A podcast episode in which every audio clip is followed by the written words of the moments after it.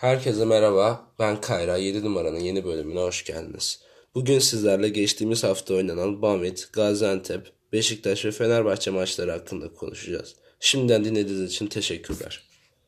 Namoski, Conrad McRae,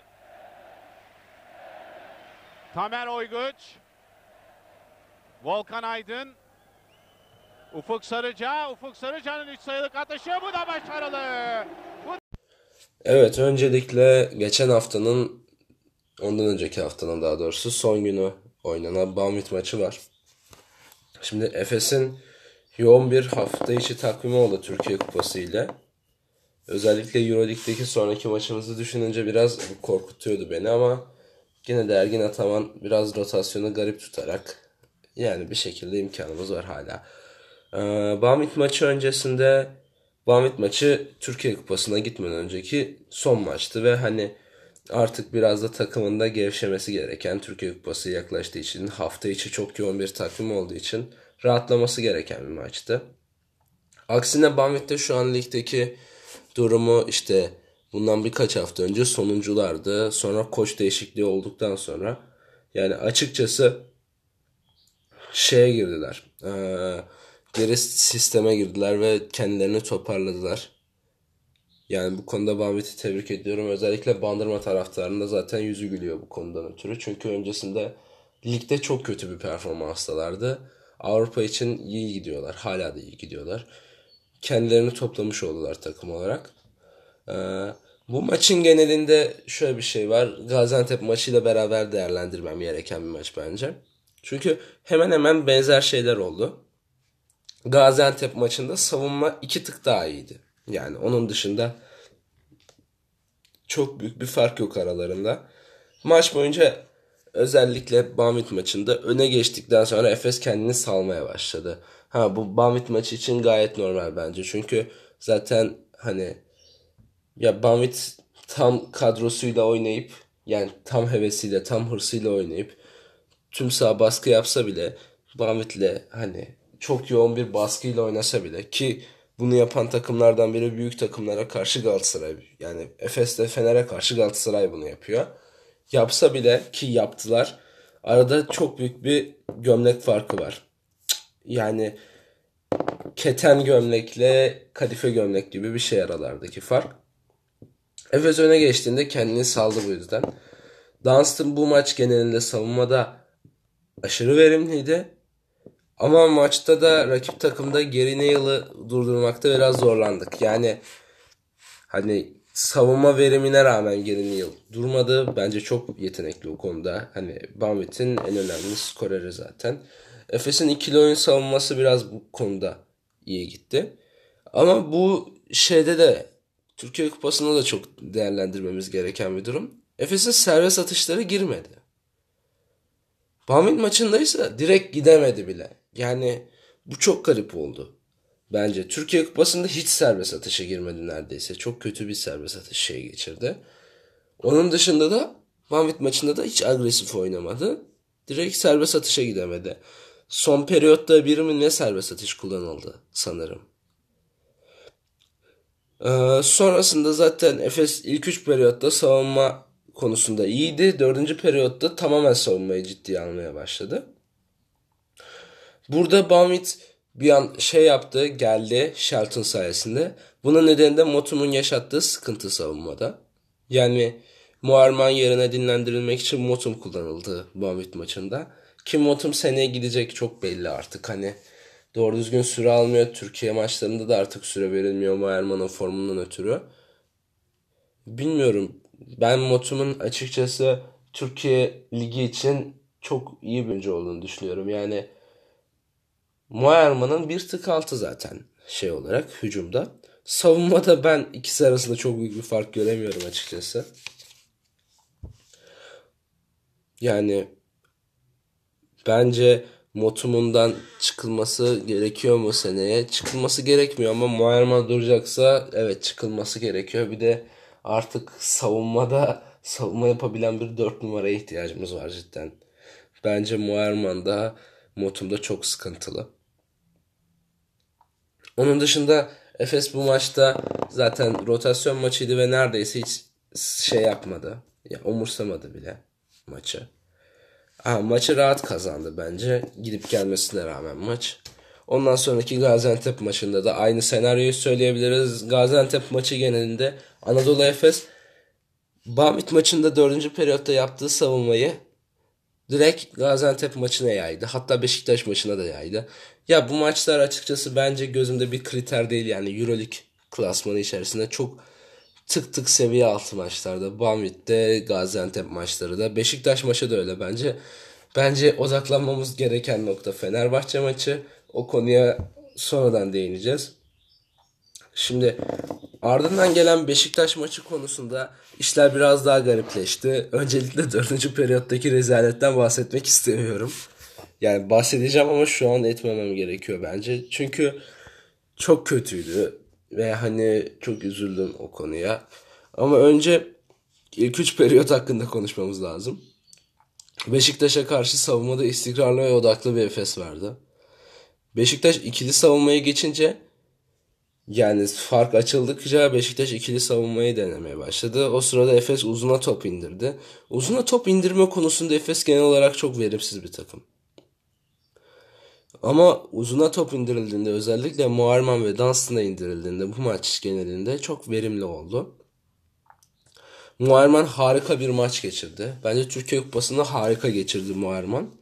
Hatta Beşiktaş maçı izlediğim en iyi Muharman maçlarından biriydi ama ertesi maç final maçı olduğu için 3. periyotta çıkarıldı Muharman.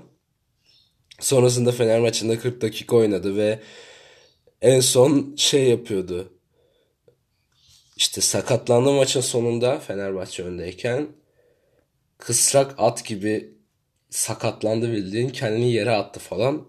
Çok üzücüydü ya Muayerman için. Çok yoruldu ve açıkçası çok verimli oynadı. Çember savunmasında Muayerman'ın en büyük sıkıntısı bu konuya değinmem lazım. Övdükten sonra biraz da yerim. Muayerman çevre, çember savunma abi ya. Yalvarırım savunma. Beşiktaş maçında 3 top yaptı buna. Fenerbahçe maçında 1 top yaptı. Beşiktaş maçında yaptığı 3 topun bir tanesinde hani çember savunmak dediğimiz artık çemberin çevresinde dönen topu şey yapıyor. Tipliyor çıksın diye. Bazen işte iniş halindeydi. O yüzden sayı veriliyor. 4 pozisyonun ikisinde bundan ötürü sayı verildi. Bir tanesi Fenerbahçe maçında serbest atıştaydı. Serbest atışta bunu yaptı. Normalde bir sayı yiyecek olsak bile ki yemeyecektik o çemberden çıkıyordu. İniş halinde kararı verildi ve iki sayı yedik. Yani iki serbest atış vardı orada. Bir tanesini kullanmıştı Fenerbahçeli oyuncu. Adını hatırlamıyorum. Kim olduğunu hatırlamıyorum daha doğrusu adını hatırlıyorum da. Ee, bir sayıyı attı girdi. İkinci serbest atışı kaçırdı.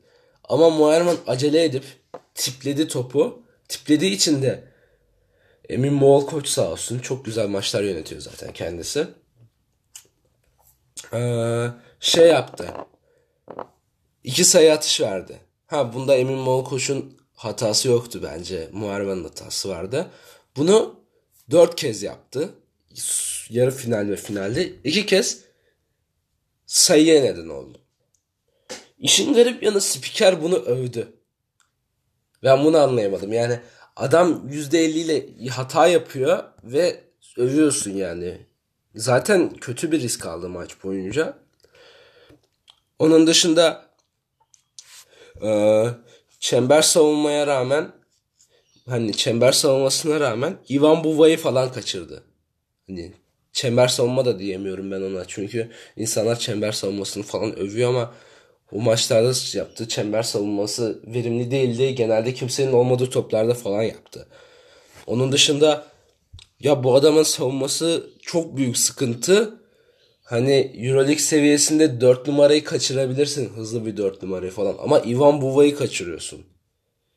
Yani Ivan Buva'yı kaçırmak için baya baya uğraşman lazım. Adam nasıl bir adam zaten? Onun dışında zaten Efes bu turnuva genelinde bence reboundlarda nazar değmesin çok güzel performans gösterdi. Gelelim son periyota. Allah'ım kusura bakmayın bayağı da hastayım. Bugün okula gitmedim. Hastalığımdan ötürü podcast'i kaydedeyim dedim. Yiğitcan. Ee, gençlerde beğendiğim şimdi dördüncü periyotta maç bittiği için ne yaptı Ergin Ataman? Nadiren yaptığı bir şey rotasyonu dinlendirdi. Rotasyonda işte hiç süre bulmayan genç oyunculara süre verdi. Beşi söylüyorum. Onur Alpbit'in, Onur Alpbit'im, Buğrahan, Metecan, Yiğitcan, Mustafa Kurtuldum. Ondan önce Doğuş vardı zaten. 10 küsür sayılık, 18-19 sayılık farkı 6 sayıya indirdiler. Az kalsın maç gidiyordu. Ergin Ataman son 2 dakikada mola alıp şeyi yapmayı düşündü yani baya baya. Oyunculara işte Muayerman'dır, Dunstan'dır. Sonrasında aa, adamın adını unutmadım. Şey Miçiş'tir. Bunlar warm-up'larını giymişlerdi yani artık maç bitti. Kıyafetlerini giymişlerdi, oturuyorlardı.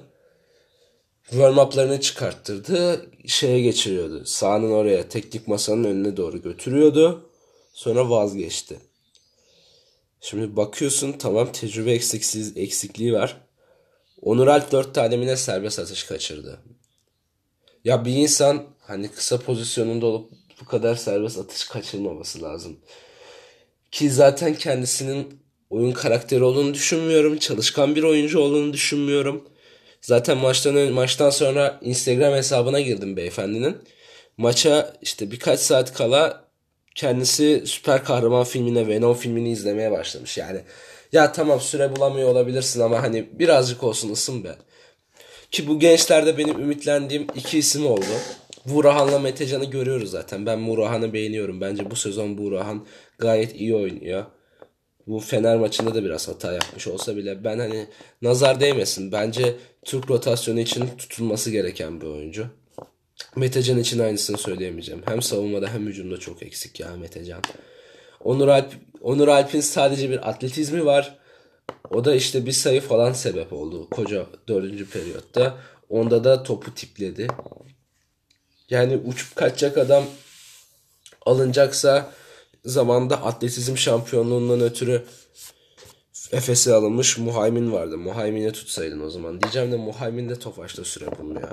Yani Onur Alp'e bakıyorum. İşte Metecan'a bakıyorum. Sonra bir de geçen sene Efes'in bıraktığı Berk'e bakıyorum. Diyorum ki keşke Berk, Berk kalsaydı. Onur Alp konusunda çok mutsuzum. Bence bu çocuk gitmeli.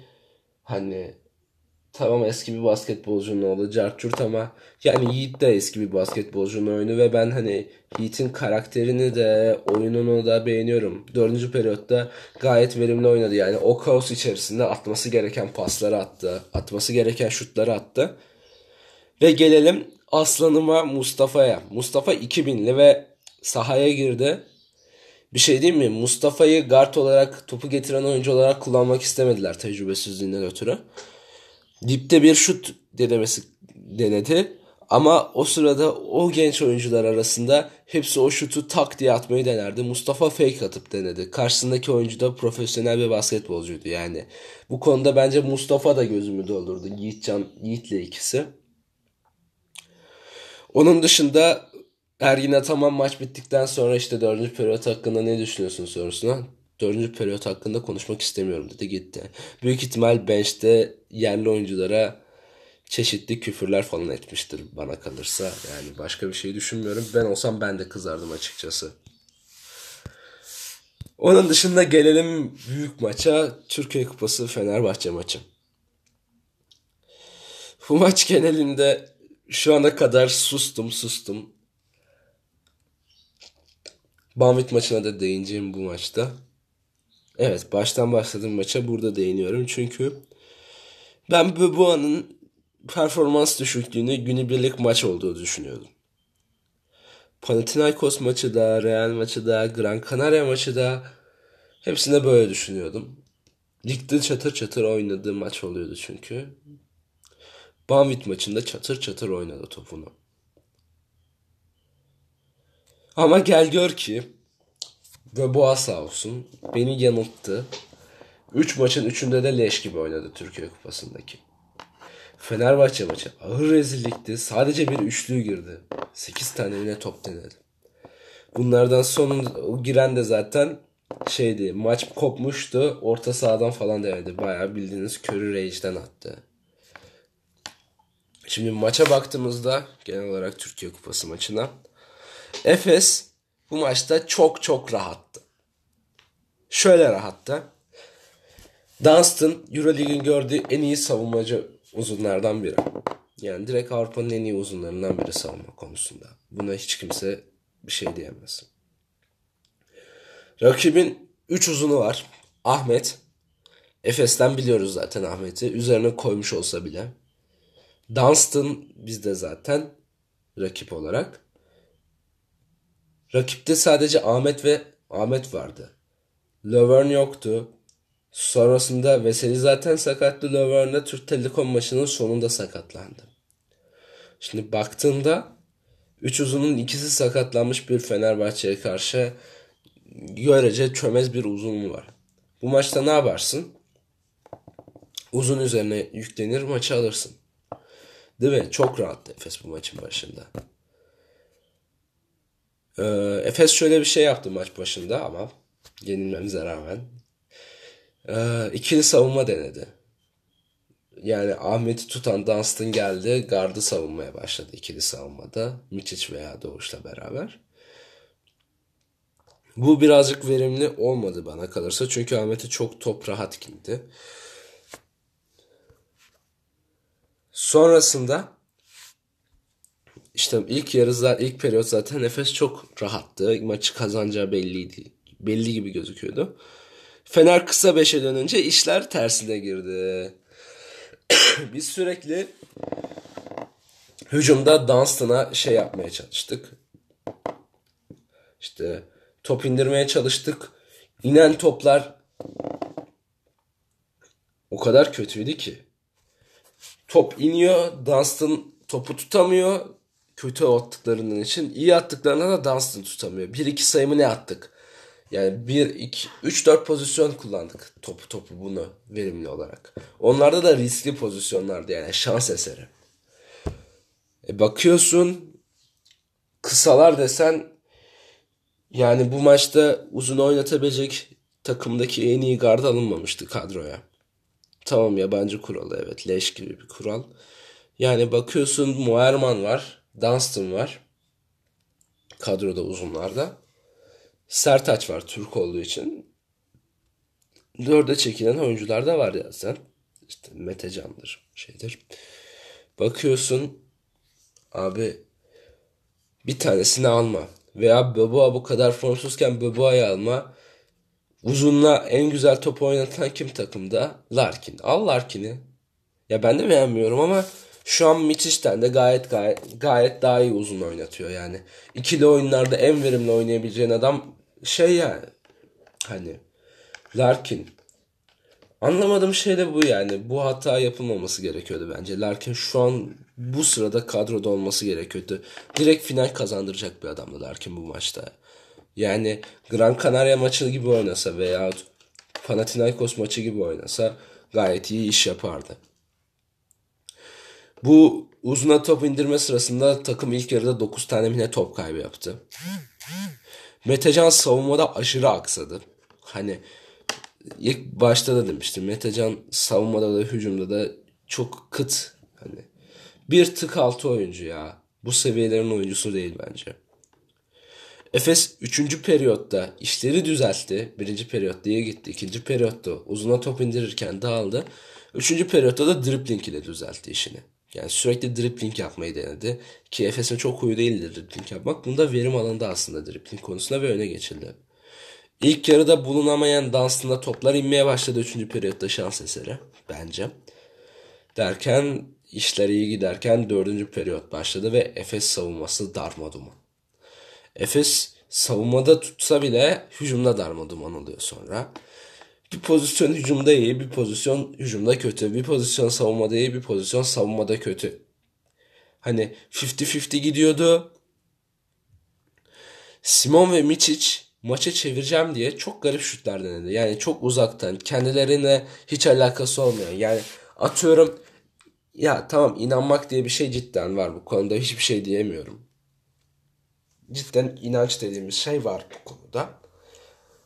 Hani şutuna güvenmek şey ama abi orta sahaya iki adım kala üçlük denemek de çok da verimli bir şey değil yani.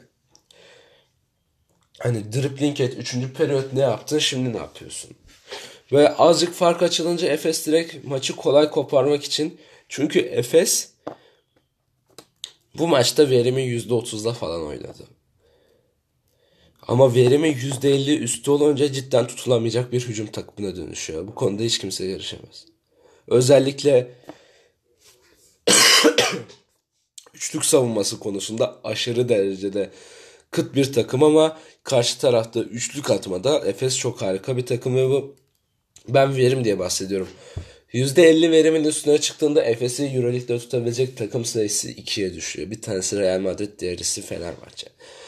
Efes bu %50 verime sezon başında çok rahat ulaştığı için rakibin savunması da yeni yeni oturdukları için yeni her takımın bu %50 verim üstü işte deli Golden State vari şutlar işte şut resitalleri izlettiği için ve farkı böylece kolay erittiği maçlar yaşandığı için sene başında buna çok güveniyor. Bu sonunda ne yapıyor? Fenerbahçe, Real Madrid, Panathinaikos birkaç maç daha böyle. Hani Panathinaikos maçını geçelim. Efes'in çok kötü oldu bizim. CSK maçı. Büyük takımlara karşı Final Four istiyorsan bu maçlarda şutundan farklı bir şey de sunmak lazım. Yani şut konusunda Efes bence Efes'in alameti farikası ama tamamen %100 şuta odaklanmak ve böyle şeylerde sadece şut ve hani belli açıdan çok da verimli olmayan, verimli olmayan şutları denemek pek işe yaramıyor. Yani bu hem kadroyu üzüyor. Yani bu maç gayet kazanılabilecek bir maçtı. Fenerbahçe'ye karşı Efes darma duman etmesi gereken bir maçtı ama yapılamadı. Onun dışında ben genel olarak maç boyunca bence Muharman savunmada aksasa bile ki Dotome'ye bildiğin gayet güzel pozisyon açtılar. Metecan da Muharman da sağ olsun. Verimli işe yaradı. Yani Dotome'yi oynattılar savunmadaki aksaklıklarından dolayı. Ama bir şey demek istersem Türk rotasyonuyla beraber yapılan bu savunma belli bir düzeyde bence hani Efes'in yavaş yavaş Euroleague'de de savunma alışkanlığını kazanması kazanacağını gösteriyor. Ama şimdi bakıyorum kaç hafta kaldı Euroleague'in bitmesine ve kalan haftalar boyunca ne olacak, ne edecek? Yani zorlu bir fikstürü var. Zorlu bir fikstürün daha ilk ayağını atlattık. Muayerman sakatlanmış olabilir. Şimdi Muayerman sakatlandıysa bu bizim işimize gelmez. Çünkü Muayerman hücumda gayet verimli bir oyuncu. Yani Efes'in hücum yükünü kaç taşıyor? Kaç maçtır? Kaç haftadır?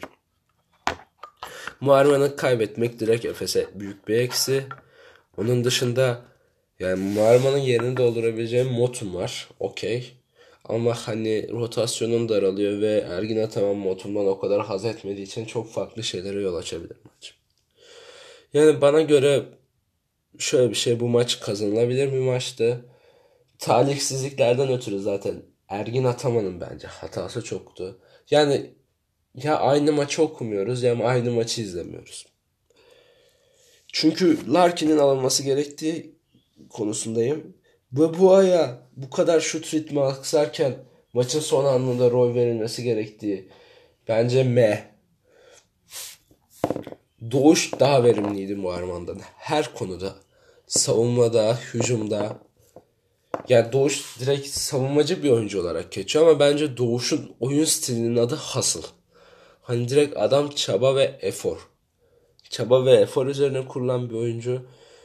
Bakıyorsun bazen özellikle bu Fenerbahçe maçında fark açılırken dördüncü periyotta Baboa hiç böyle ne koşuyor ne ediyor böyle bakıyor sadece üst çizgisine durmuş bana top ver diyor veriyorsun atamıyor.